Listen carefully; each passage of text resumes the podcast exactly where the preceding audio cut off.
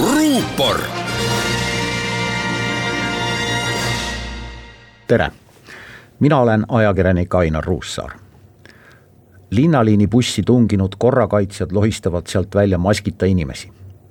panevad neil käed raudu, topivad akendeta furgoonautosse ja viivad teadmata suunas minema raskelt relvastatud märulipolitsei peksab laiali käputäie inimesi kes on rahulikult kogunenud linna keskväljakule kevadpäikest nautima ja viitavad rahvusvärvides plakatitel oma soovimatusele kehtivatele kogunemispiirangutele alluda.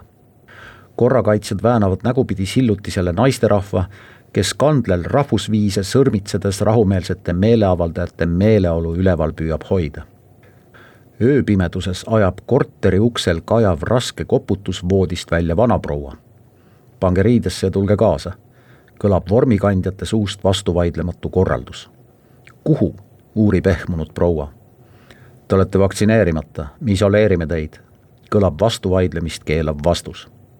järgmisel hommikul teatab siseminister, et Riigikogu on pandud vaikivasse olekusse ja tulevikus pole parlamendil enam luba kokku tulla.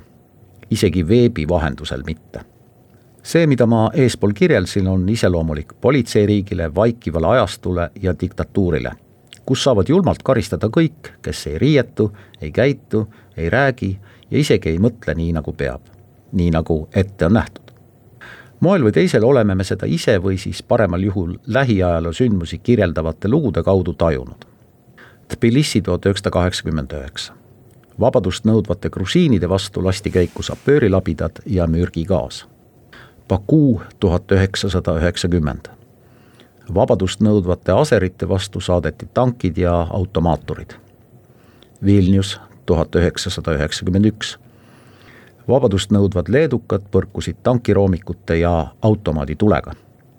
Minsk kaks tuhat kakskümmend.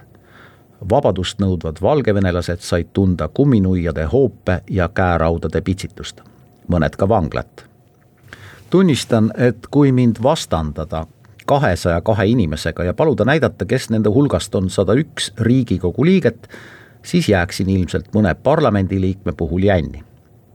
Gert Kingo tunneksin ma ära ilmselt ka seetõttu, et ta oli mõnda aega eelmises valitsuses minister. nii ei saa me eeldada ka seda, et politseinikud tunneksid autoaknast ära kõik Riigikogu liikmed, kellel on antud eriõigus liigelda Toompeal teistmoodi kui nende valijatel. Eriti veel siis, kui nad kannavad kohusetundlikult maski. kui nüüd politseinik teeb liiklejale märkuse sõita Riigikogu hoone juurde tavainimeste teed mööda, aga liikleja on kogemata eriõigustega parlamendiliige, siis see ei ole politseiriigi tunnus. taolise täiesti tähtsusetu seigaga ei pea tegelema peaminister ja ka mitte siseminister, isegi mitte politseiprefekt, liiga palju isegi mitte meedia, on muud, millega tuleb tegeleda kui Riigikogu opositsioonipoliitik nimetab valitsusjuhti avalikult Kaja Lukašenka Kallaseks ja siseministrit Kristjan Putin Jaaniks, siis pälvib see kindlasti meedia tähelepanu. kas või sellepärast, et vaikivasse ajastusse liikuvas politseiriigis, jutumärkides muidugi, julgeksid seda endale lubada tõesti ainult kõige julgemad. Õnneks paneb selline pilkamine enamusi inimesi muigama sest pilkamine on poliitilise suhtlemise üks täiesti normaalne osa. hirmutamine seda paraku ei ole. muidugi tuleb ühiskonna ülereguleerimisega tegeleda. seda enam, et juba praegu korraldavad kaks kolmandikku Eestis kehtivatest seadustest moel või teisel kõikvõimalikku järelevalvet see on paraku trend, et riigil on kiusatus jälgida, koguda ja töödelda igasuguseid andmeid, teadmata päris täpselt, mida selle andmelaviiniga hiljem peale hakata. aga selle nähtuse nimi ei ole politseiriik ega vaikiv ajastu.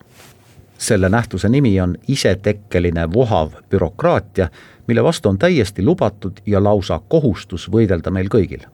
ajakirjanikel, poliitikutel, ametnikel, kõigil valijatel täna soovitan ma aga olla karmide kujunditega ettevaatlik.